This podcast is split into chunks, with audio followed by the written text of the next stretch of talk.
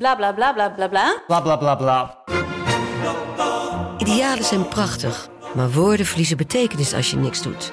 Dus laten we met z'n allen wat minder praten en meer doen. Bij Agmea zijn wij vast begonnen. Zo gaan wij voor minder verkeersslachtoffers, gezonde werknemers en duurzame woningen. Waar ga jij voor?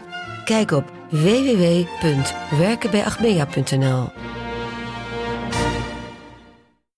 Deze podcast is 100% expertisevrij en alleen geschikt voor amusementsdoeleinden. De inhoud mag dus niet worden beschouwd als financieel advies.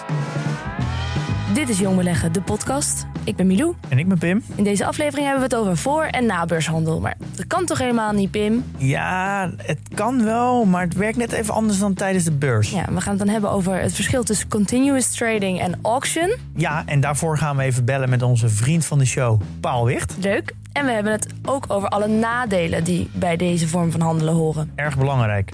Eh, en we gaan het nog even hebben over een PDT-update en een hele leuke content tip. Daar gaan we.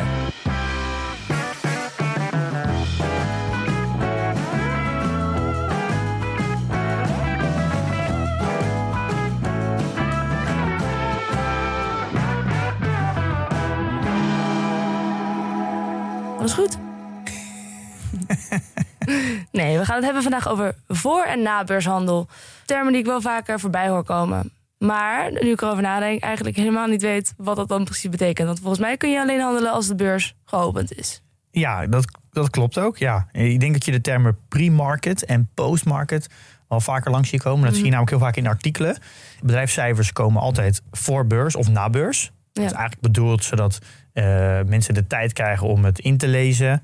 Wat, wat voor cijfers eh, ze naar buiten brengen. Ah, dus bijvoorbeeld een Just Eat Takeaway, dat gaat nooit tussen negen en half zes, wanneer de beurs geopend is, cijfers. Nee, meestal voor acht uur. Ja, oké. Soms, de meeste bedrijven in Nederland doen het om acht uur. Voor beurs. Eh, soms, soms wat eerder. Mhm. En dat doen ze eigenlijk bewust om dat alle beleggers eigenlijk dat kunnen inlezen en daarover na kunnen denken om een positie te bepalen. Nou, dat, het even, dat de informatie even kan indalen. Ja, Even tot je kan komen. Dat je dan kan bedenken van oké, nou wat ga ik nou doen? In plaats van dat je misschien wel denkt van oh, slechte cijfers, verkopen. ja.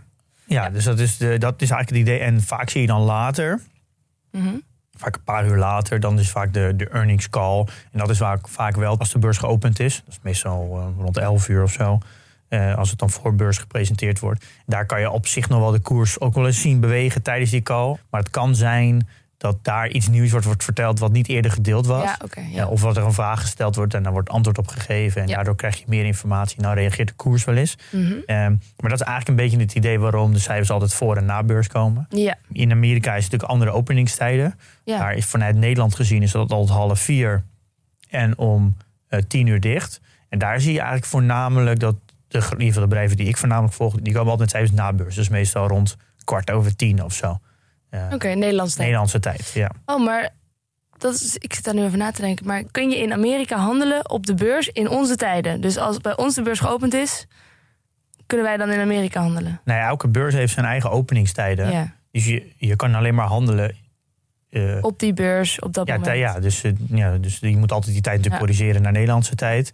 Eh, logisch gezien natuurlijk. Ja. Maar ja, ja, elke beurs heeft gewoon wereldwijd is gewoon een bepaald moment open. Vaak rond de acht uur per dag. En ja, de wereld is natuurlijk wanneer wij slapen, zijn anderen wakker en andersom. Mhm. Dus als je de hele wereld als beurs over elkaar inlegt, dan heb je, kan je uiteindelijk 24 uur handelen, maar dan moet je elke keer naar een andere beurs. ja. Want als wij slapen, dan Doen is mensen dat? Is er een, een, een motief om zo, om zo te gaan handelen? Nou, nee, ja, nee, want het ligt een beetje aan.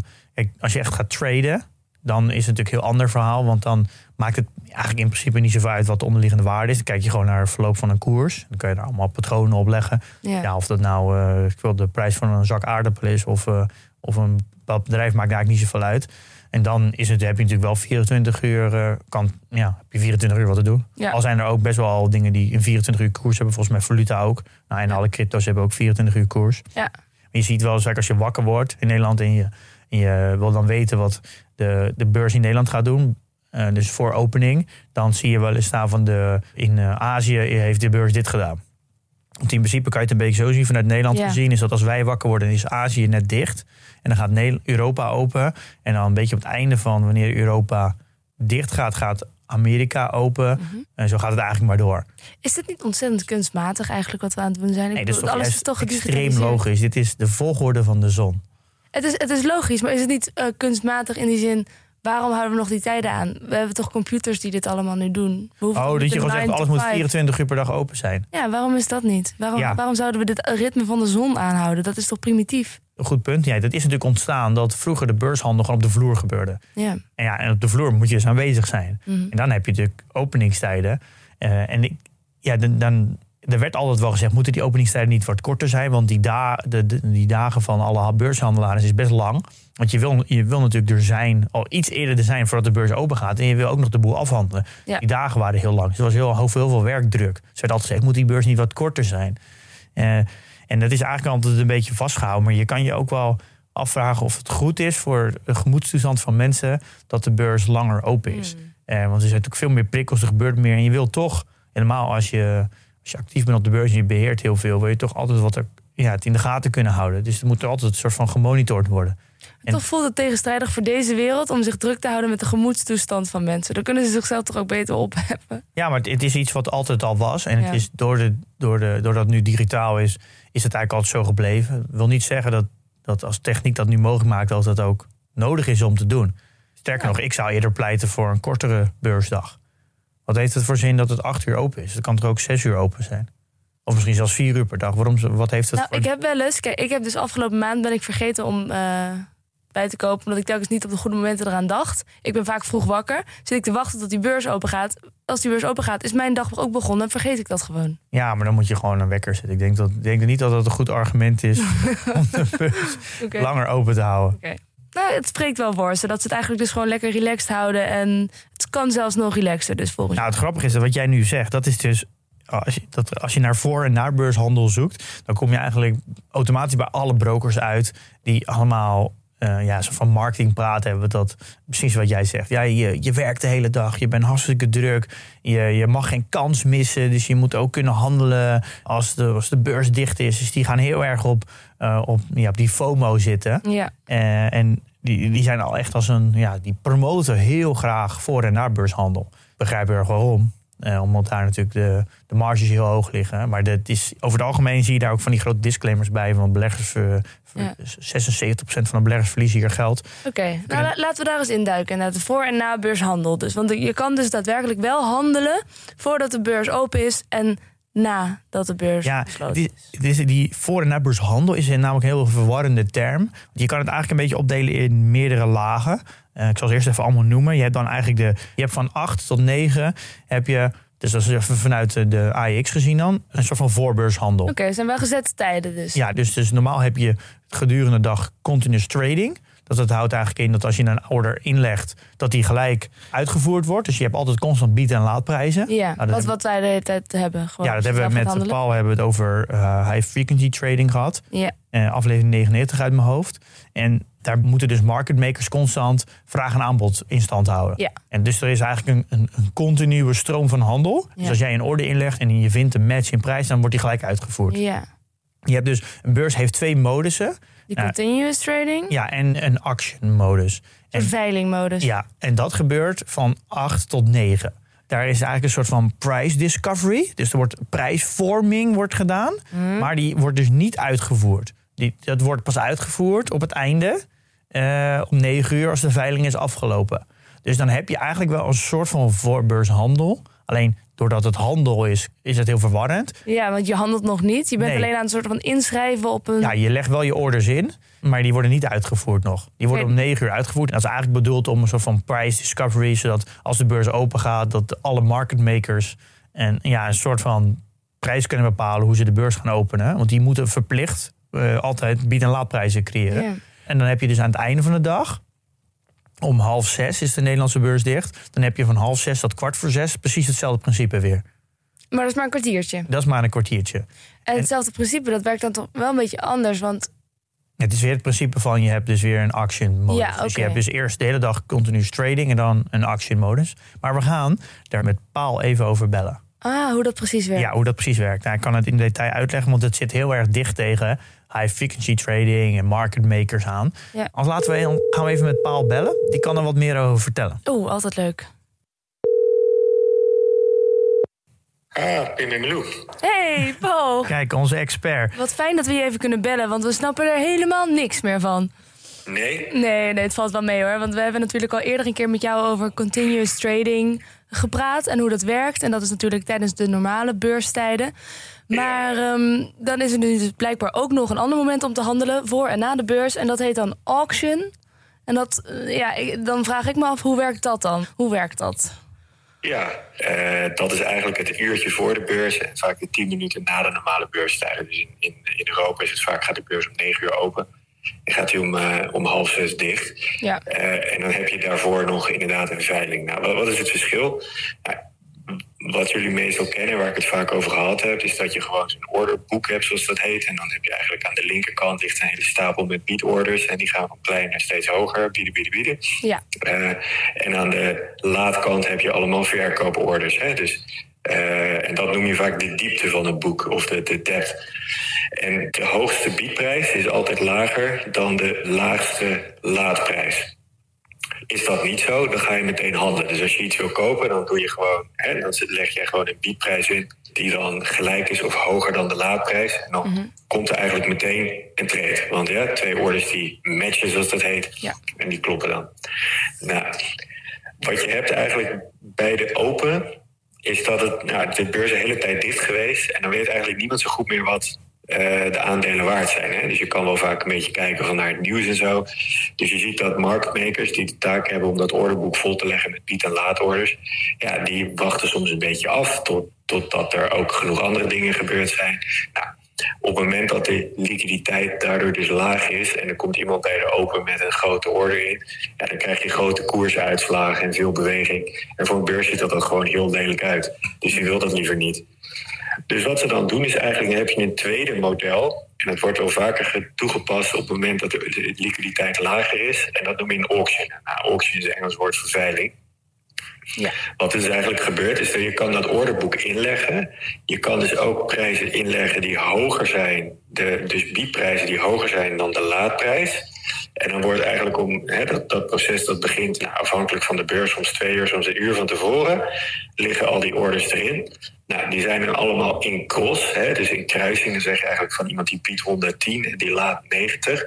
Normaal met continuous trading zou dat niet kunnen, want dan zou het meteen handelen. Ja. Maar bij een auction betekent eigenlijk dan gebeurt er nog niks totdat de auction afloopt. Dus dat is dan om 9 uur zeggen ze van oké, en nu is de auction gesloten. En nu gaan we gewoon kijken wat dan een eerlijke prijs is. Nou, hoe doen ze dat dan? Ze kijken eigenlijk naar al die orders. En de beurs die wil graag zoveel mogelijk handelen. Dus die zoekt eigenlijk een prijs uit in al die orders waarbij zoveel mogelijk van die orders verhandeld kunnen worden. Ja, ja, ja. Oké, dus er komt een soort gemiddelde prijs komt er dan uit. Dus iedereen die gaat bieden, dan gaat het waarschijnlijk een beetje ergens er tussen het hoogste en het laagste bod in zitten.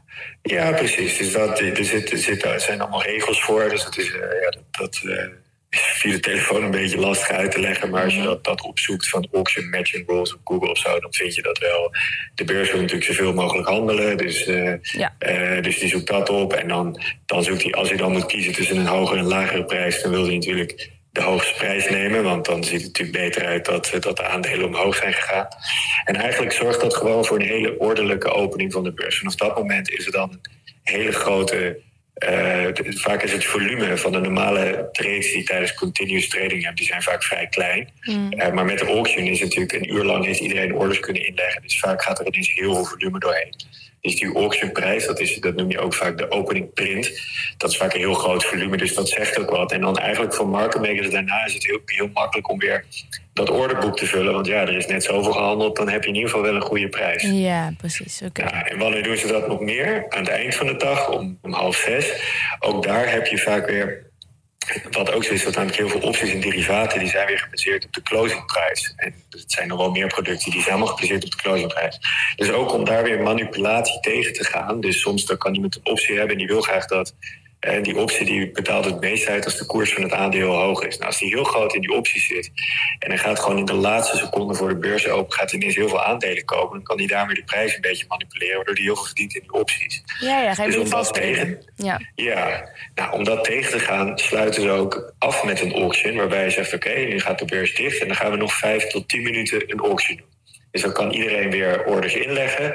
Nou, en dan leg je dat allemaal op, eh, op een hoop. En dan krijg je weer een wat rustiger prijsvorming. En dan, dan kost weer zo'n heel volume. En dat is dan de closing print. En die closing print die wordt dan gebruikt voor bijvoorbeeld al die derivaten en dat soort dingen. Maar Ja. je ziet dat met name op punten waarbij ja, de, de handel wat onrustig kan zijn, dus in het begin en aan het eind, dan is een auction een hele mooie methode om er wat meer rust in te krijgen. Godsie, het zal je werk maar zijn, Paul. Ja, ja, ja dan moet je dat allemaal weten. Hè? Maar Ja. goed, als je de podcast luistert, dan weet je dat ook. Zo is het ook. Eh, Pim en ik gaan hier even op herkauwen. Ja, Ehm, dank voor je, voor je uitgebreide informatie. Kom je weer een keer terug in de studio? Oké, vast wel. nou, daar zien we dan naar uit. Nou, dankjewel Paul. Oké. Doei. Doei! Nou, tot zover. Paul Wicht, eh, optiehandelaar. Ja, klinkt toch wel een beetje complex. Ja, eigenlijk als je er, als je Ik wat snap ook niet waarom je het zou doen. Waarom zou je voor- en nabeurs gaan handelen? Dus ik snap Nou. dat het fijn is dat, dat het gebeurt, maar waarom zou je het zelf gaan doen? Nou, ik denk, ik denk dat er voor een, een, ja, eigenlijk een simpele eh retailbelegger eigenlijk niet zoveel voordeel van is. Die, wij hebben er eigenlijk ook niet zo heel veel aan. Pas als je echt hele grote orders eh, wil gaan inleggen, dan heeft het zin. Want als je, als je gedurende de dag een hele grote order inlegt, dan kan je de koers gelijk omhoog zetten. Eh, want dan ga je dat orderboek ga je echt in één keer heel erg vullen. Dus dan heeft heel veel invloed op de, de, Ja. de koers. En dat wil je natuurlijk niet. Want als je heel veel wil kopen en je gaat een order inleggen, dan ga je de prijs omhoog gooien. Maar dat wil je dus niet. Want dan ben je, ja, door jouw orders gaat de prijs omhoog. Ja. Dus ben je meer aan het betalen door je eigen order. Ja, dat is niet handig. Eh, dus de echte grote orders, die worden vaak ook een beetje in de, de veiling gelegd. Want dan maakt het niet zoveel uit. Want dan wordt het uiteindelijk uitgeleveld. Dus je ziet wel dat de, de echt grote partijen... die gaan dus gedurende de dag allemaal kleine plukjes inleggen. Dan, dan, zo hebben ze geen invloed op de koers. Maar als het echt heel veel is, dan, moet, dan doen ze eigenlijk het restje... wat ze niet gedurende de dag kwijt kunnen... leggen ze dan in de actie neer. Dus dat is eigenlijk een beetje eh, hoe het werkt. Maar dat is voor, eigenlijk voor ons heeft dat eigenlijk helemaal geen effect. Nee. Ehm, maar als je er wat meer van af weet, snap je wel waarom, deze, waarom dat mechanisme zo werkt. Want het is eigenlijk een beetje als bescherming dat er eigenlijk gedurende de dag niet zoveel, ja, een beetje vals gespeeld kan worden. Ja, het Ehm. een rustgevend effect heeft het op de, op de koersen. Ja, je moet het een beetje zo zien dat het een, dat is echt een modus in een beurs. Dus de, een, een beurs heeft die, deze twee modus. Die kan hem eigenlijk dus bepalen of, of ze kiezen voor een, een, eh, een veiling of ze kiezen voor ja, eigenlijk continu handelen. Ja. Eh, en market makers zijn natuurlijk heel erg belangrijk. Want er is ook een onderzoek gedaan naar. Voor mij in Taiwan hadden ze dus eerst volledige veiling. Eh, op, de, op de beurs. Dus, en dat gingen de veiling zeg, om de paar minuten doen. Dus als je Ja. een order instuurde, gingen ze dat een paar minuten verzamelen en werd die uitgevoerd. Ja. Toen zijn ze geswitcht naar eh, ja, eigenlijk continue handel. Maar daar heb je market makers voor nodig. Want er moeten dus continu bied- en laadprijzen zijn. Anders kan je niet continu handel doen. En daar kwam eigenlijk het uit het onderzoek dat er ten eerste de spread was kleiner. Er werd veel meer gehandeld. Er was meer liquiditeit. De volatiliteit ging heel veel naar beneden. Maar eigenlijk alleen maar voordelen. Dus, eh, dus daarom zie je dat nu alle beurzen gedurende de dag allemaal naar eigenlijk continue handel gaan. En dat is eigenlijk alleen maar te realiseren met met market makers, Ja. dus met high frequency trading. Eh, De, er kan zomaar zijn natuurlijk dat er, dat er iets gebeurt voor beurs. Eh, dat er bijvoorbeeld, een, weet ik veel, neem bijvoorbeeld de 9-11. Dus als voor de beurs in één keer zo'n vliegtuig incrasht dan, en die beurs gaat open, ja, dan kan je nu al vertellen dat die beurs heel onrustig open gaat. Ja. Dus dan is het heel fijn om een soort van bumperzone te hebben, Ja. 8 tot 9, waar er al een soort van prijsvorming ontstaat. Eh, Want om 9 uur moeten alle market makers een, een prijs kunnen bieden. Ja. Ja, waar ga je die prijs dan op baseren? Als er zo extreem veel onrust voor de opening van de beurs is, dan is het heel fijn om een bufferzone te hebben van 8 tot 9, waar het al enigszins tot stand gekomen Ja, is. we gaan het even uitkristalliseren. Maar Ja. stel, heel hypothetisch, ik wil één ETF kopen en ik bied in een voorbeurs 80 euro voor één aandeel. En iemand anders biedt 70 en weer iemand anders biedt 90. Nou ja, hoe werkt het dan als het straks 9 uur is?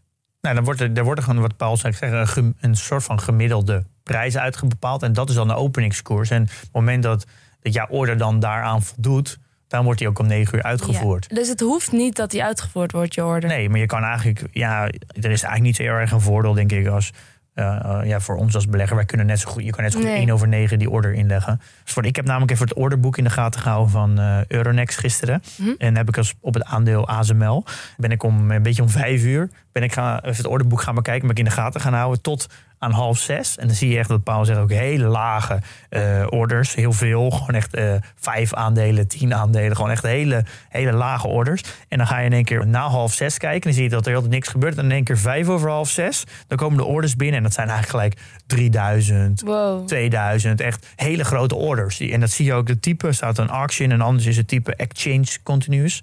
Dus je, die, je kan het ook gewoon zien. Dat zijn echt twee modussen van de beurs. En bij Euronext website kan je dat ook gewoon zien. Ik heb een linkje op de website gezet.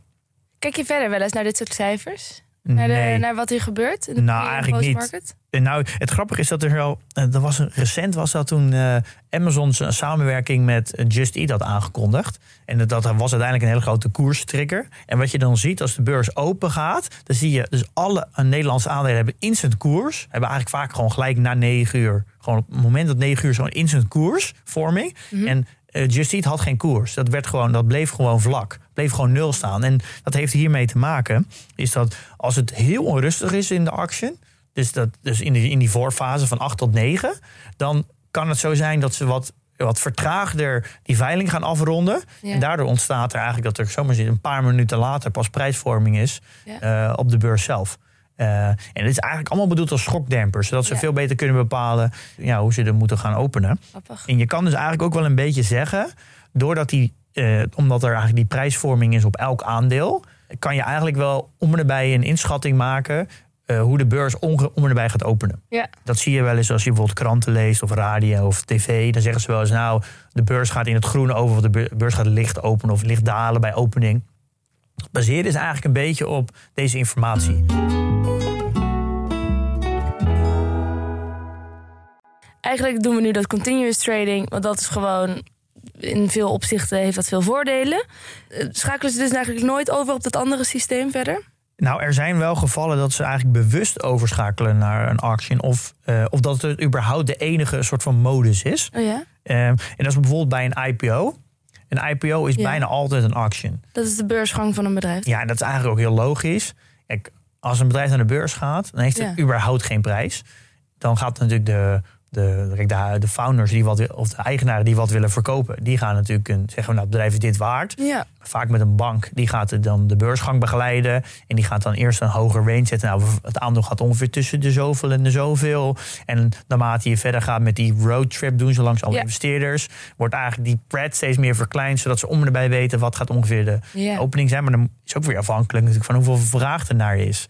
Ja. Eh, en dat gebeurt eigenlijk zo, wordt eigenlijk een soort van veiling gecreëerd om een prijs te bepalen. Dus Ja. een IPO gaat altijd op deze manier. Kijk, en daardoor dus komt eigenlijk de prijsvorming komt rustiger tot stand. Want het ziet er natuurlijk eigenlijk echt niet uit als een aandeel gewoon heel hard heen en weer schiet met tientallen procenten. Dat natuurlijk zomaar zou kunnen.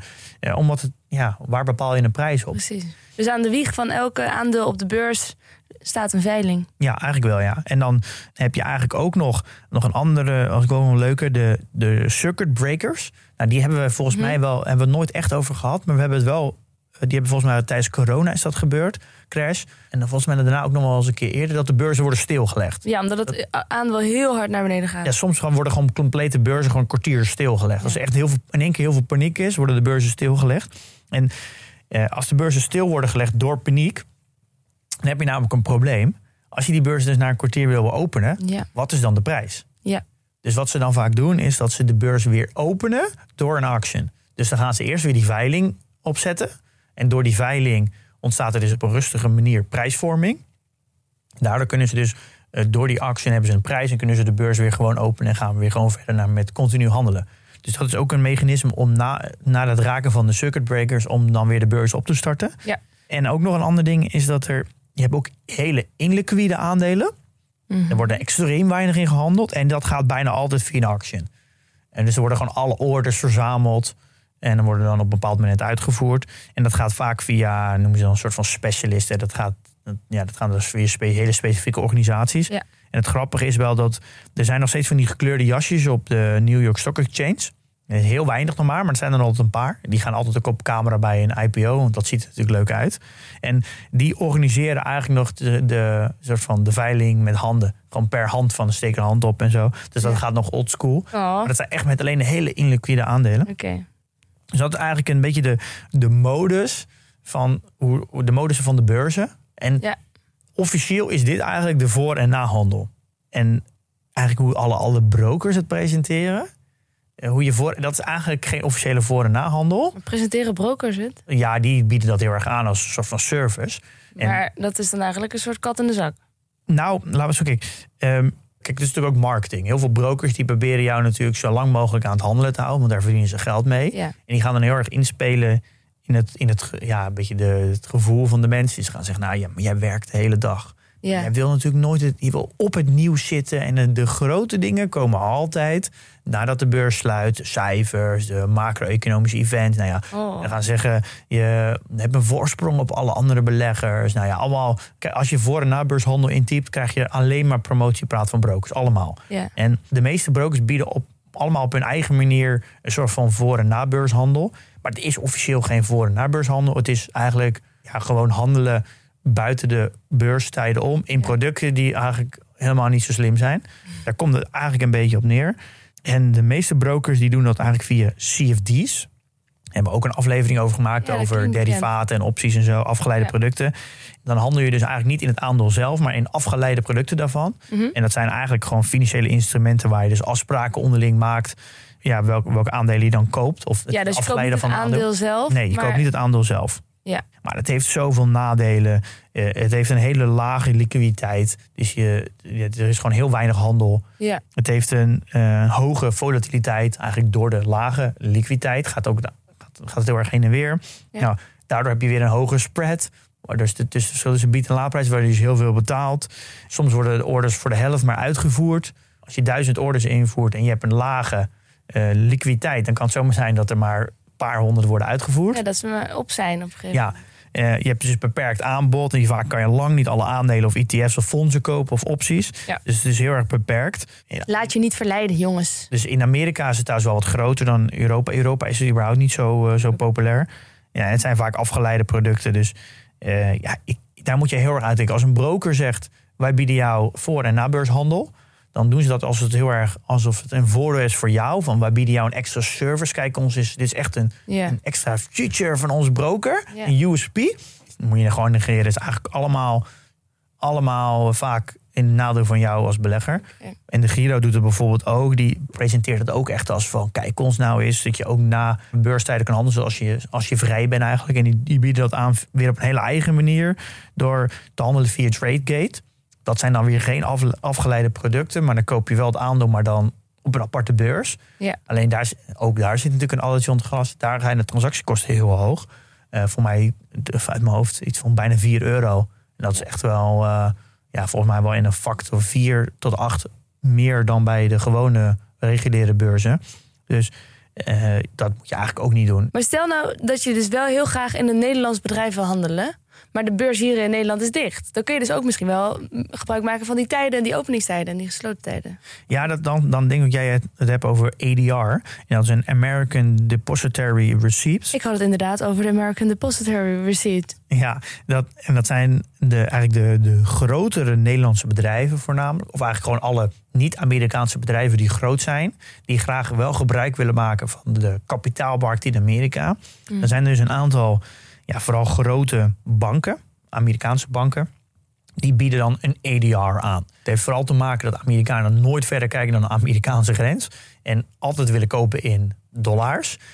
In plaats van dat zij over de grens gaan kijken en in euro's iets kopen. Bijvoorbeeld ASML in Nederland. Moeten alle wereldwijde bedrijven die groot zijn, die niet in Amerika zitten, eigenlijk zich aanbieden in Amerika. Dus het is Om in dollars verhandeld te kunnen ja, worden. Dus, eh, en vaak gaat het in samenwerking. Dus dat noem je dan een sponsored ADR. En dat houdt eigenlijk in dat, het, dat een, bijvoorbeeld in dit geval ASML of een Unilever of een Shell zich bewust aanmeldt.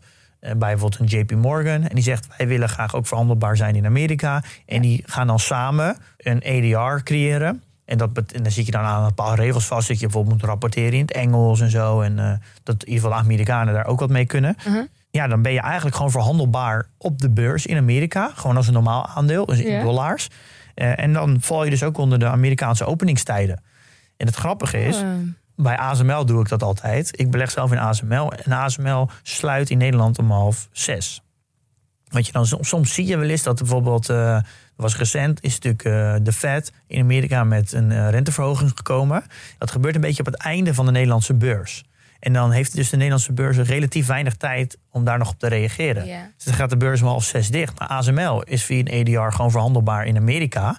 En dan zie je, zag ik ASML zo oplopen gedurende de dag. En dat ging echt begrepen naar iets van 4 Ja. En ASML was in Nederland gesloten met 1% winst. Ah. Dan weet je eigenlijk bijna wel zeker dat er zit dus een vergat van 3% Dat moet uiteindelijk weer gecorrigeerd worden, want dan krijg je een arbitrage. Dus dan kan je eigenlijk bijna wel zeggen dat ASML dus de volgende dag in Nederland groen gaat openen. Ja. Omdat het weer moet herstellen. En de echt grote beleggers, die willen dan wel eens een heel groot gedeelte in EDR hebben. Dus dan hebben ze een positie ASML. En dan doen ze, nou, we doen van die positie doen we bijvoorbeeld 70% in gewoon Nederlandse aandelen en 30% in EDR's. Mhm. Zodat we, als er echt wat gebeurt buiten eh, Nederlandse beurstijden, dan kunnen we in ieder geval 30% van onze positie verkopen. Oh. En dus de, hier wordt wel eens Ja. mee gespeeld. Maar Een soort ingebouwde veiligheidsconstructie. ja, ik denk dat dit voor ons helemaal, voor Nederlandse beleggers helemaal niet zo relevant is. Want dan heb je namelijk weer heb je twee posities, wat weer meer transactiekosten heeft. En, Ja. eh, dus ja, dat heeft eigenlijk niet, voor, voor ons niet zo heel veel zin. Maar zo werkt dat eigenlijk een beetje. En ja, het zijn niet, niet alle aandelen die zijn, Nederlandse aandelen zijn een EDR. Het zijn eigenlijk vooral de grote partijen. Zo krijg je toch wel dat, je, dat er toch Amerikanen bijvoorbeeld kunnen investeren in een Unilever of een eh, Shell of een ASML. En ik heb toch inclusief? ja, er is, nou, het zijn er maar een paar hoor. Ja, en op de website adr.com, ik heb ook een linkje op de show notes en een screenshot, kan je dus ook filteren op welke Nederlandse aandelen, kan je gewoon filteren op landen en zo, welke Ja. aandelen dan aangeboden worden. En het grappige is, je moet, daar moet je heel goed naar kijken. Sommige aandelen worden dus, ADR's worden rechtstreeks op de exchange aangeboden. Eh, daar- dus bijvoorbeeld een eh, Egon en een eh, ASML en een Philips en zo. Mhm. En ING. En die worden echt op de exchange aangeboden. Daar moet je wel naar kijken, want dan koop je echt het aandeel gewoon op de markt. Dus dan heb je gewoon bied- en laadprijs en dan koop je het dus gewoon in, ja, in cont- continuous trading. Ja. Maar je hebt dus ook heel veel Nederlandse aandelen die gaan via een OTC. En dat is dus een over-the-counter. Ja. Nou, dat is weer een afgeleide product. Dat is eigenlijk een, ja, het is een financiële transactie die is, die is niet via de markt verloopt, dus via de beurs, maar via een tussenpersoon wordt afgesloten. En daar moet je heel erg mee uitkijken, want betaal je eigenlijk altijd meer. En de spread is heel hoog. Eh, dus als je dat wil, moet je daar heel erg naar kijken. Ik denk dat je dat überhaupt niet moet willen hoor, maar dan weet je een beetje hoe dat, hoe dat werkt. En dit was altijd een dingetje met die Chinese aandelen. Oh ja, Chinese aandelen, ja, dat eh, Alibaba is een, eh, een ADR in, in Amerika. Ja, logisch. ASML is ook een ADR. Dit is eigenlijk een manier bedacht om buitenlandse bedrijven in Amerika verhandelbaar te maken. Dus Ja. gebruik te maken van de kapitaalmarkt. Dat je kan kopen in dollars. Maar wel dat het aan heel strenge regels voldoet. Want om een ADR-status te krijgen, moet je wel aan de. De SEC heeft daar heel veel regels voor. Dat is een soort van de AFM van Amerika. Die stelt daar heel veel regels voor. Je moet documenteren in het Engels. Je moet op deze boekhoudregels. Eh, dus als je de kapitaalsmarkt op wil gaan in Amerika, moet je wel aan heel veel regels voldoen. Ja. Daarom is er eigenlijk een soort van ADR-status. Ja, een soort certi- certificaat. Ja, dus het is een soort van ja, certificaat, ja, goedkeuring, Ja. eh, bewijs. En je moet wel even kijken dat het wel gesponsord is. Dus dat het wel ondersteund wordt door het bedrijf zelf. Dus dat het wel een samenwerking is in, vanuit beide partijen. Ja. ja dat zijn ze bijna allemaal wel hoor. Oké. Ja. Dus dat is eigenlijk eh, dat is ook een manier om een soort van na beurs nog te handelen. Weer Ja. niet officieel na beurs. En niet via de auction manier, maar wel via continuous trading. Ja, eigenlijk. dus eigenlijk komt het een beetje op neer dat je gewoon er helemaal niks mee moet. Nee, Dat is eigenlijk, maar je weet nu wel hoe het werkt. ja. En zijn er nog eh, plekken waar jij eh, al deze informatie vindt? Al de, over de, de pre- en de post-market? En... Ja, nou, ja ik, ik doe er wel een klein. Ik doe er letterlijk niks mee. Maar ik, ik vind het wel leuk om te volgen. Want wat ik eigenlijk doe, in, vooral in Amerika, als er cijfers komen na beurs, dan kijk ik altijd even. eh, bijvoorbeeld via de Google Finance of Market Watch of Seeking Alpha of Finance. Meestal Google Finance hoor. Daar zie je namelijk, zag je recent, van Pinterest met cijfers. En Pinterest die kwam na beurs. En het aandeel ging gelijk 19% omhoog. En na cijfers, om kwart over tien, tussen kwart over tien en half elf. En wat ik daar, ik doe daar eigenlijk niks mee, maar je kan namelijk wel zien hoe de cijfers om en nabij ontvangen zijn. Kijk, als een aandeel een paar procent naar beneden gaat of boven, dan kan je zeggen, ja, het is zo onzuiver nog die nabeurshandel. Eh, het is maar de vraag hoe het gaat openen. Maar als de koers echt met ja, 15, 20 procent reageert naar boven of naar beneden, dan weet je wel, oké, er zit dus wel echt iets goeds of iets slechts in de cijfers. En dan Ja. ga je dat bij de opening van de beurs ook wel merken. Een aandeel gaat niet van plus 20 voor beurs naar min eh, gedurende de dag. Een paar procent, daar, daar kan het nog wel verschillen. En dat zag je bij Pinterest, die ging met 19 procent omhoog na beurs. En die ging gedurende de dag richting 12 procent. Dus het is niet, je moet voorbeurshandel niet zien als een soort van gegeven. Je moet het meer zien als indicatie. Ja. Maar ik gebruik het daardoor wel om even snel te checken. Als ik dus naar die cijfers kijk die komen. Kijk even van wat gebeurt er voor beurs of na beurs. Om te kijken hoe wordt het om erbij ontvangen eh, door de markt. Ja, dus het, is, het kan ook wel toch een beetje behulpzaam zijn op die manier. Ja, het is meer gewoon ja, Een indicatie. indicatie. Maar ja, ja, de vraag is of je er echt wat mee... Je kan er eigenlijk niet zoveel mee, maar dat is op zich wel leuk om te zien.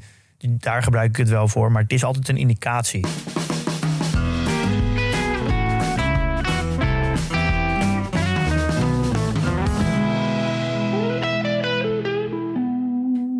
PDT-update. Je hebt eh, heel wat nieuws te vertellen, geloof ik. Ja, we hebben een prachtige update gedaan. En eigenlijk bestaat deze update uit drie verschillende delen. Favorieten, spotlight search en een hoop verbeterpunten. Dus een beetje verbugfix en verbeterpunten. Mhm. Maar laten we eigenlijk beginnen met het eerste, de favorieten. Er zijn heel veel PDT-gebruikers die een portfolio delen. Nou, dat doe jij ook. Ja. Dat doe ik ook. Dus eigenlijk in, eh nou, zie je in de community, bijna iedereen deelt wel zijn portefeuille. En dan kan je zelf voor kiezen of je de bedragen laat zien of niet.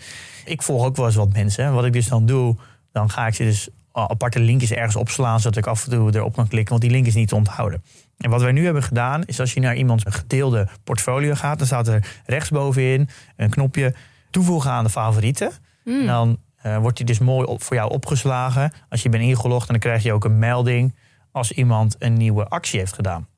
Ah, dan Dus- kun je iemand echt op de voet volgen. Ja, dus als ik dus een nieuwe transactie doe, Mhm. als ik een aandeel verkoop of koop, dan krijgen mensen daar nu een, eh, een melding van Ja. eh, als, ze dat, als ze mij volgen.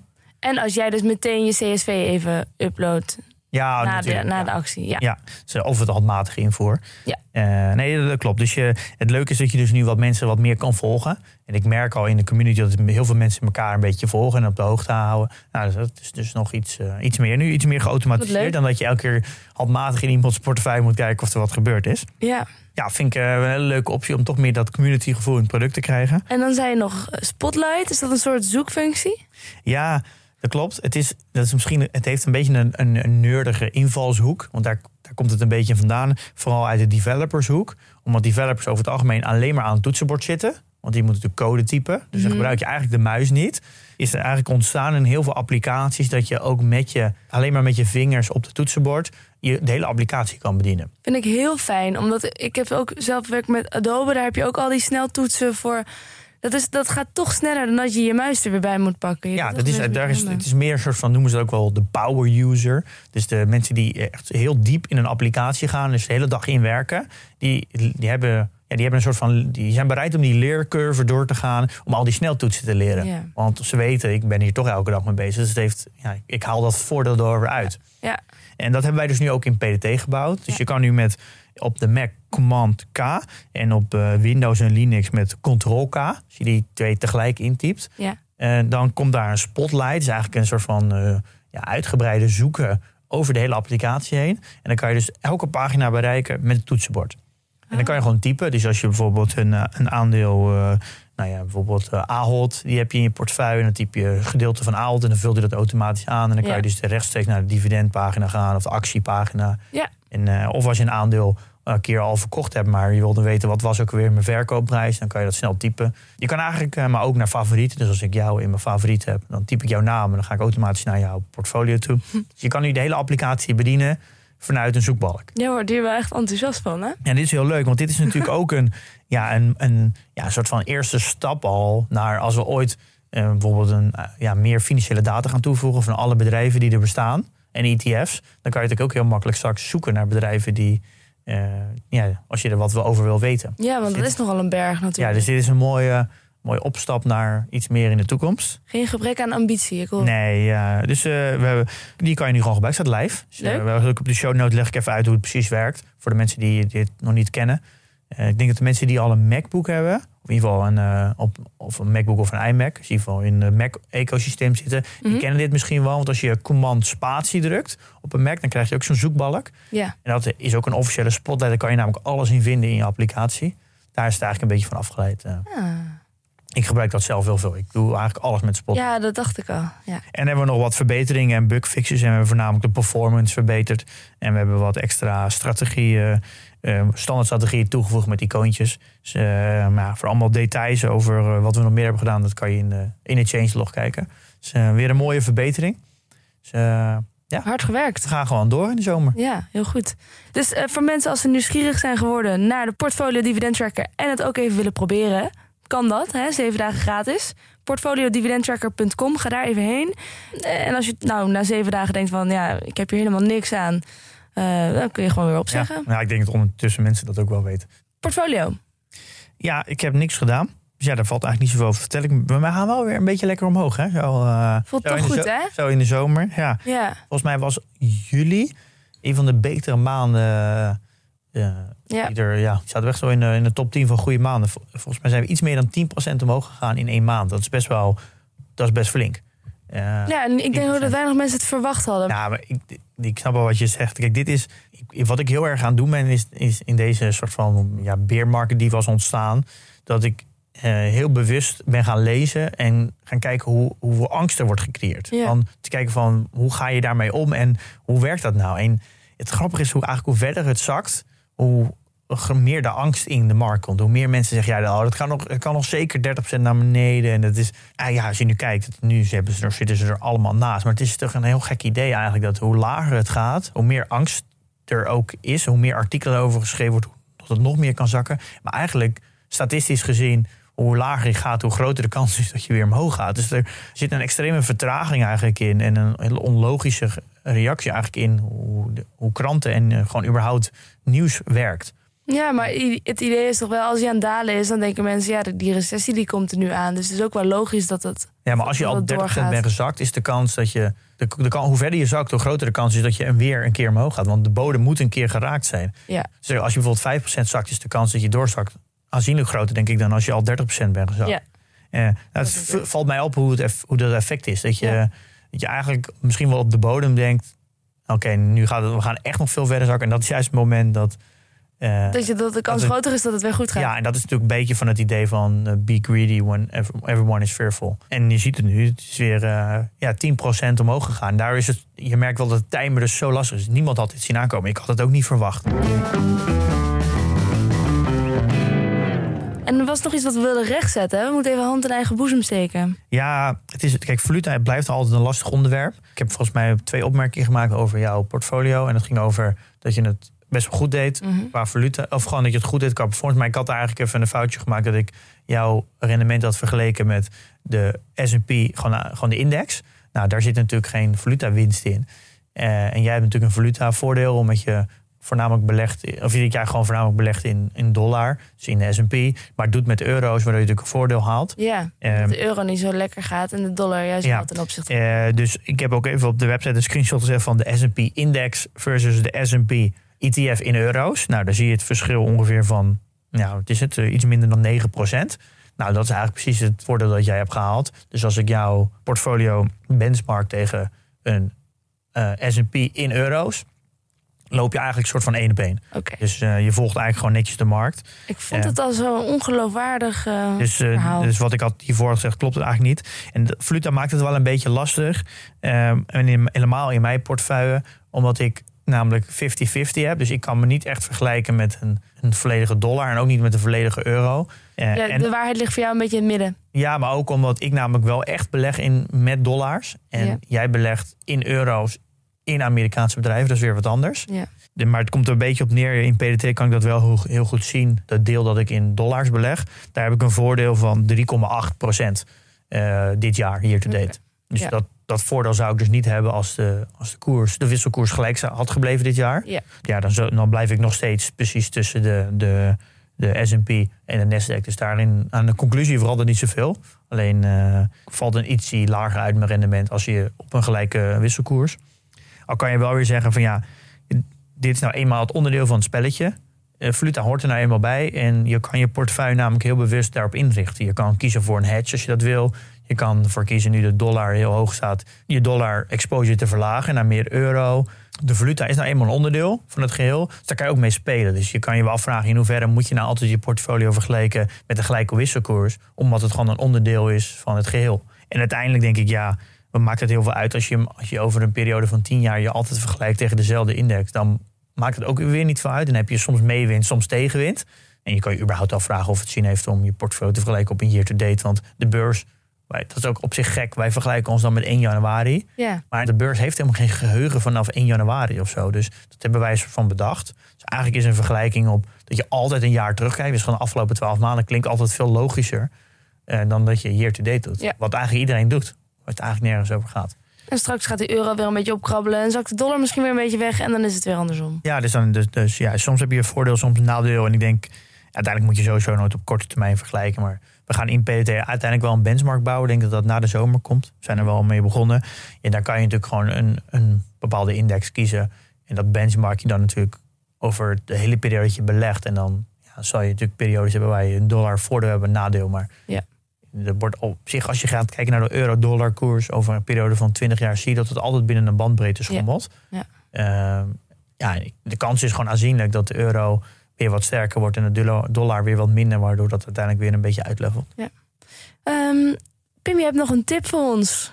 Eh, ja, die, ehm, die hebben we wel eens eerder getipt, in ieder geval de podcast. En Ja. dat is The Land of the Giants. Ja, dat hebben we in aflevering 82 getipt. Dat is die serie over hele grote bedrijven. En dan gaan ze er helemaal induiken, toch? In Ja, meerdere klopt. afleveringen. Ja, het is eh, in combinatie met eh, eh, Recode en Fox Media. Die doen samen een soort van co-productie. En dan gaan ze in echte grote bedrijven. Hebben al eh, eh, Amazon gedaan, Apple, Netflix, Google. En een beetje de delivery-achtige bedrijven. Dus DoorDash en Uber Eats en zo. Mhm. Dan gaan ze vaak tussen de zes en acht, negen afleveringen. Duiken ze er helemaal in, pluizen ze er helemaal in. En dan gaan ze ook helemaal terug naar het begin. En ja, het is een beetje grappig dat zo'n verhaal verandert altijd. Het begint met een soort van eh, ja, ideologie en wat de wereld wil verbeteren. En dan langzaam shift dat natuurlijk een beetje. En dan krijg je dat je de tegenpartij aan het woord. En, en ook de, de kantelpunten waar het bedrijf ja, echt, echt is versneld. Of misschien zelfs net, net, het net heeft gered en niet failliet is gegaan. Ja. Dat merkte je bij Google bijvoorbeeld. En nu is eh, Facebook aan de beurt. Of eigenlijk moet ik zeggen Meta. Oh, interessant. Eh, ja, het kon natuurlijk niet uitblijven. Eh, er zijn nu al drie afleveringen geweest. Ik vind het heel leuk om te luisteren, zulke soort afleveringen. Ook al weet je al heel veel van Facebook. Is toch interessant. Ja, want ik zie bij een van die afleveringen staat Instagram er ook bij dat het daar Ja, ze- over gaat. Ze gaan het natuurlijk hebben over de eerste instantie Facebook eh, bij college. Nou, dat kent iedereen wel dat het groot geworden is. En Ja. hoe de cultuur is in Facebook. En hoe de development cultuur is ontstaan. En wanneer de dingen geshipped worden. Nou, ze shippen elke dag. En nou, dat is vanuit een, een, een productontwikkeling perspectief echt, echt heel bijzonder. Elke dag een nieuwe release doen. Mhm. Er wordt zegt ook iemand die wordt geïnterviewd. Die zegt, ja, als developer kwam ik bij ehm, Facebook. En ik was gewend om één keer in het half jaar iets te shippen. En dan moest ik daar elke dag. Nou, dat is wel grappig. Ehm, en daarna gaat het over, eh, over in- inderdaad Instagram. Hoe die overname tot stand gekomen is. En Ja. hoe die cultuurclash was tussen Facebook en Instagram. En Instagram was vroeger een altijd vierkante foto. En hoe lang dat geduurd heeft voordat eh, eh, Instagram dat losliet. En dan gewoon ook dat je ook eh, meer landscape en portretfoto's kon plaatsen. Ja. En dat Facebook eigenlijk eh, volle bak Instagram is gaan promoten. Alle users van Facebook over is gaan zetten naar Instagram. Maar dat het op een gegeven moment zo hard ging dat Facebook ging dalen. Ja. En Facebook was de enige plek waar geld verdiend werd.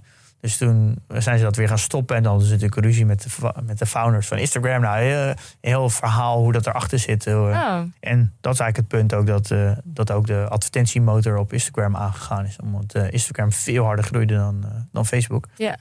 Nou, zo krijg je een beetje een idee hoe dat, hoe dat allemaal tot stand gekomen is. Dus, ja, zij weten toch wel weer allemaal nieuwe dingen aan het bovenbrengen die ik nog niet wist. En dat is dus wel leuk. Maar ook ik, voor beleggers is het natuurlijk interessant om te weten wat, wat er allemaal achter zit. Maar ook voor een ondernemer die zelf misschien een eigen bedrijf heeft of zelf werkt in, in deze soort business. Dat je leert van anderen hoe ze dingen aanpakken en wat overwegingen zijn. Misschien dat je zelf fouten van anderen kan meenemen. Ja, dit is misschien net even te abstract nog. Maar ik denk Ja? als ondernemer zijn is het altijd leuk om, om gewoon, denk ik, ondernemersverhalen te horen. Ondernemers juice. Ja, ja ondernemersjuice. een, mooie, een mooie naam voor een nieuwe podcast. ja, denk het ook. Ehm, maar wij gaan nog even lekker door met Jong Beleggen. Volgende week staat er weer een aflevering klaar. Ja, dit wordt een hele leuke. Nou, hij staat nog niet klaar, we gaan hem nog maken natuurlijk. Maar we hebben eh, een gast. Ja, dit, deze kon eigenlijk nog niet ontbreken. Eh, we gaan het hebben over hoe wordt een index gemaakt. En dit is heel leuk. Ah, daar Want, waren we een keer op gekomen, omdat we dachten van... huh, oké, dit is een ETF, hoe wordt een ETF gemaakt? Eh, en toen kwamen we op het punt van, maar hoe wordt een index dan gemaakt? En Ja. dat wisten we toen niet. Ja, we hebben het natuurlijk met Jolien over gehad, die, die ETF-aflevering. En zij, die moet echt, die werelden moeten gescheiden worden. Je hebt dan een ETF-uitgever En die, ja, die ETF die gemaakt wordt, dit is natuurlijk een, een geautomatiseerd proces. Daarom is de, de, zijn de kosten van de ETF zo laag. Maar die regels, hoe zij moeten aan- en verkopen, dus de samenstelling eigenlijk van de ETF, dat is weer gebaseerd op een index. En die twee werelden moeten gescheiden zijn. Dus een ETF-uitgever mag niet ook de index maken. Ja. Dat is meer om juridisch, eh, ja, om de risico denk ik, te, te spreiden. Maar er- zijn dus partijen die heel specifiek alleen maar indexes maken. En die, die bepalen eigenlijk alle regels. Dus als zij bijvoorbeeld een index maken van een niveau e-sports, dan bepalen zij de regels welke bedrijven daarin erin komen. Ja. En dus bijvoorbeeld er moet zoveel procent van de omzet moet uit, eh, uit gaming komen. En het bedrijf moet minimaal zo groot zijn. Er moet zoveel free float zijn. Nou, dus, eh, en nou ja, hoe zo'n index wordt gemaakt, wat de regels wel zijn, hoe dat technisch werkt. En er wordt ook heel erg gebacktest natuurlijk. Want eh, ja, je moet wel, het moet wel kunnen. Het moet wel een betrouwbare ETF zijn. Ja. Daar gaan we in gesprek met Frank Hartman. En dat is eigenlijk een index-engineer. En die gaat ons alles vertellen over hoe ze dat doen. Dat gaan we doen. Ehm, en jongens, dan in de tussentijd een advies. Investeer in je kennis en beleg met beleid.